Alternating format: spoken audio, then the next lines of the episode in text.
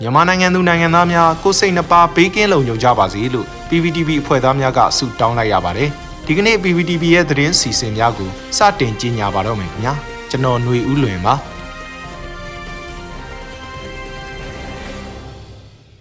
အခုပထမဆုံးအနေနဲ့ Radio NUG အစီအစဉ်ကိုဒီမနက်ကစတင်ပြီးပြန်လည်စမ်းသပ်ထုတ်လွှင့်နေပြီဆိုတဲ့သတင်းကိုတင်ဆက်ပေးမှာဖြစ်ပါတယ်။စမ်းသပ်ထုတ်လွှင့်ရမှာပုံမကောင်းမွန်တဲ့ပြင်ဆင်မှုတွေပြုလုပ်နိုင်ဖို့ ခိတ္တရန်နာထားတဲ့ Radio NUG အစီအစဉ်တွေကိုဒီမနက်မှာပဲပြန်လည်စတင်ထုတ်လွှင့်နေပြီဖြစ်ပါတယ်။ဒီနေ့ကစပြီးတော့မနက်၈နာရီနဲ့ည၈နာရီတွေမှာလိုင်းဒိုမီတာ16 MHz 7.81တွေကနေ Radio NUG ကထုတ်လွှင့်တဲ့အစီအစဉ်တွေကိုလေလိုင်းမှာတိုက်ရိုက်ဖမ်းယူနားဆင်နိုင်ပြီဖြစ်ပြီးထုတ်လွှင့်ချိန်ကိုမိနစ်30စာသတ်မှတ်ထားပါတယ်။တနေ့မှာနှစ်ကြိမ်ရွေထားတယ်လို့လည်းသိရပါတယ်။မိဘပြည်သူများအနေနဲ့ data အလိုက်ဖမ်းယူရရှိမှုအခြေအနေတွေကို Radio NUG Facebook page ဖြစ်တဲ့ facebook.com/radionug ကို message ကနေဆက်သွယ်ပြီးကူညီပေးနိုင်ကြဖို့အတွက်လည်း Radio NUG ဖွဲ့သားတွေကမေတ္တာရက်ခံထားပါတယ်။ Radio NUG အစီအစဉ်ကိုဩဂုတ်လ20ရက်နေ့ကလည်းမနက်၈နာရီမှတစ်ကြိမ်ည8နာရီမှတစ်ကြိမ်စံသက်ထုတ်လွှင့်ခဲ့ပါသေးတယ်။နားထောင်မှုအတွက်ကတော့တန်ပန် Digital Radio ဆိုရင်ရရှိပါပြီ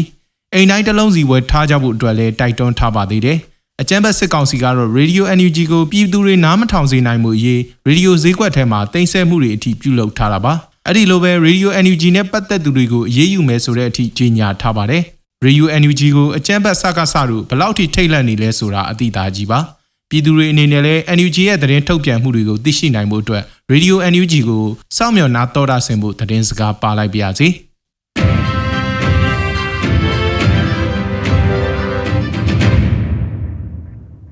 ဆက်လက်ပြီးပြည်သူ့အစိုးရ NUG နဲ့ဆင်ဆက်မပြတ်ဆက်သွယ်ပြီးမြန်မာဒီမိုကရေစီပြန်လည်ရရှိရေးအတွက်ကြိုးပမ်းသွားမယ်လို့တောင်ကိုရီးယားအစိုးရသမ္မတရုံးကပြန်ကြားစာပေးပို့ခဲ့တဲ့သတင်းကိုတင်ဆက်ပေးမှာဖြစ်ပါတယ်။တောင်ကိုရီးယားအစိုးရရဲ့သမ္မတရုံးစာမျက်နှာမှာပြည်သူ့အစိုးရ NUG ကိုတရားဝင်အတိအမှတ်ပြုလက်ခံပေးရန်တောင်းဆိုမှုကိုဇူလိုင်လ9ရက်နေ့ကနေဩဂုတ်လ4ရက်နေ့အထိတလတာပြုလုပ်ခဲ့ရာတောင်ကိုရီးယားနိုင်ငံသားတွေနဲ့မြန်မာနိုင်ငံသားတွေစုစုပေါင်း2,600ကျော်2,668,428ဦးပါဝင်တောင်းဆိုခဲ့ကြတာပါ။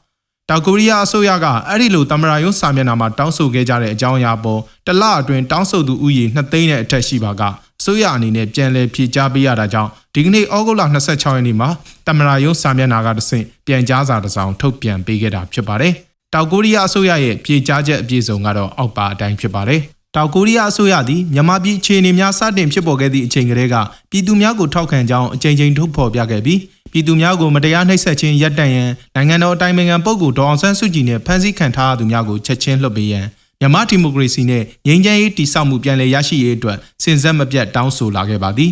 ပြည်ခဲ့သည့်မက်လာတွင်လည်းမြန်မာပြည်နှင့်နိုင်ငံတော်ကာကွယ်ရေးလုံခြုံရေးကဏ္ဍများတွင်ပူးပေါင်းဖလှယ်မှုအသစ်များရပ်တန့်ခြင်း စစ်ဘက်သုံးဆိုင်ရာပစ္စည်းများတင်ပို့ခြင်းအားခွင့်မပြုခြင်းမြန်မာပြည် ODA project များပြန်လည်စည်းစိမ်ခြင်းနှင့်တောင်ကိုရီးယားနိုင်ငံအတွင်းကနေမြန်မာနိုင်ငံသားများအားလူသားချင်းစာနာတဲ့အထူးနေထိုင်ခွင့်ပေးခြင်းတို့အားထုတ်ပြန်ခဲ့ပါသည်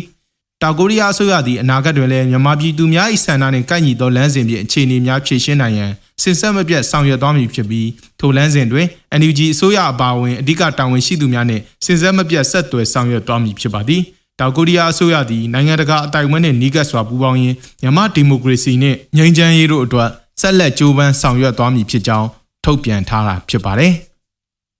ရေတော်ဘုံအောင်ရမည်ရေတော်ဘုံအောင်ရမည်